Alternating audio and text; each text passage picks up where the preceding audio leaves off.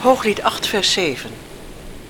Vele wateren kunnen de liefde niet blussen en de rivieren spoelen haar niet weg. U luistert naar Verbonden voor het Leven Radio. Een eenvoudige bijbelstudie over het huwelijk, zoals God het bedoeld heeft. Samenstelling en presentatie Willem en Helen Lingeman.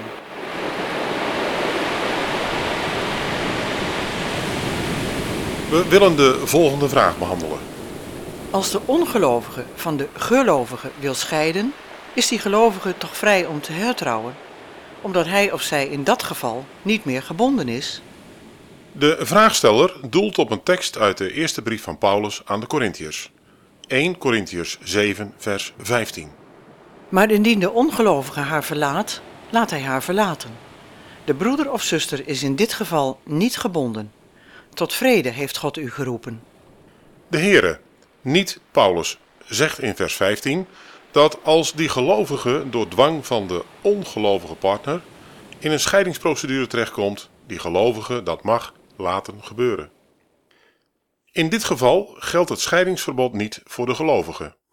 Hij of zij is niet gebonden, is niet dienstbaar gemaakt, zoals verschillende Bijbelvertalingen het benoemen. De grondtekst gebruikt hier woorden die betekenen niet is tot slaaf gemaakt of niet in de slavenpositie zijn. Veel Bijbeluitleggers denken dat de gelovige in dit geval vrij is om opnieuw te trouwen. Vrij betekent hier echter vrij van de huwelijkse plichten. Bovendien, in het licht van alles wat de Bijbel leert over overspel, kan het onmogelijk betekenen dat een gelovige zou mogen hertrouwen na scheiding van een ongelovige. Het is natuurlijk moeilijk om de ongelovige partner, wanneer deze wil scheiden, te wijzen op wat de Bijbel ons leert.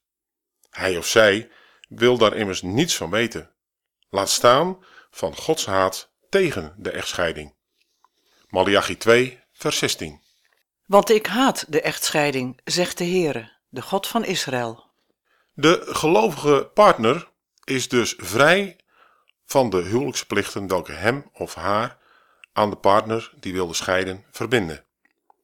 Zou de gelovige zich verzetten tegen de echtscheiding, dan zou hij of zij in conflict komen met de opdracht dat God ons tot vrede heeft geroepen. God heeft voor deze uitzonderlijke situaties als het ware een escape, een ontsnappingsclausule ingebouwd. Dat is wat vrede in 1 Corinthians 7 vers 15 in de grondtekst betekent. Dat Griekse woord is een afgeleide van een woord wat in de Bijbel wordt gebruikt voor het aspect van rust en veiligheid ten opzichte van de omgeving, de gemeente, het koninkrijk van God en het huwelijk. Er staat zeker niet dat de gelovige opnieuw mag trouwen, en het lijkt ons ook allerminst gerechtvaardigd die conclusie te trekken. Als we denken dat we deze ene tekst kunnen gebruiken om aan te tonen dat in sommige gevallen hertrouwen na een scheiding toch mogelijk is, dan begeven we ons op glad ijs. We moeten ons goed realiseren dat Paulus zelf geen enkele uitspraak over hertrouwen doet. We moeten 1 Corinthians 7 vers 15 dan ook in de context van de vele andere schriftgedeelten lezen, waar echtscheiding uitdrukkelijk verboden wordt. Denken we nogmaals terug aan 1 Corinthians 7 vers 10 en vers 11. Maar aan de getrouwden beveel ik, niet ik, maar de Heer, dat de vrouw niet mag scheiden van haar man. En als zij toch gescheiden is, laat zij ongetrouwd blijven of zich met haar man verzoenen, en dat een man zijn vrouw niet mag verstoten. Ook in dit verband is de tekst 1 Corinthians 7, vers 39 van belang. Een vrouw is door de wet verbonden, zolang haar man leeft. Maar indien haar man ontslapen is, zo is zij vrij om te trouwen, maar alleen in de Here.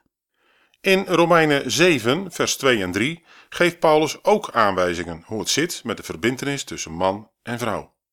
Want de gehuwde vrouw is door de wet verbonden aan haar man bij diens leven. Maar is de man gestorven, dan is zij vrijgemaakt van de wet die haar aan de man bond. Daarom zal zij een overspeelster worden genoemd, als ze bij het leven van haar man de vrouw van een andere man wordt. Maar als de man gestorven is, is zij vrij van de wet, zodat ze geen overspeelster is als zij de vrouw van een andere man wordt. De Telos en de Statenvertaling gebruiken het woord vrijgemaakt.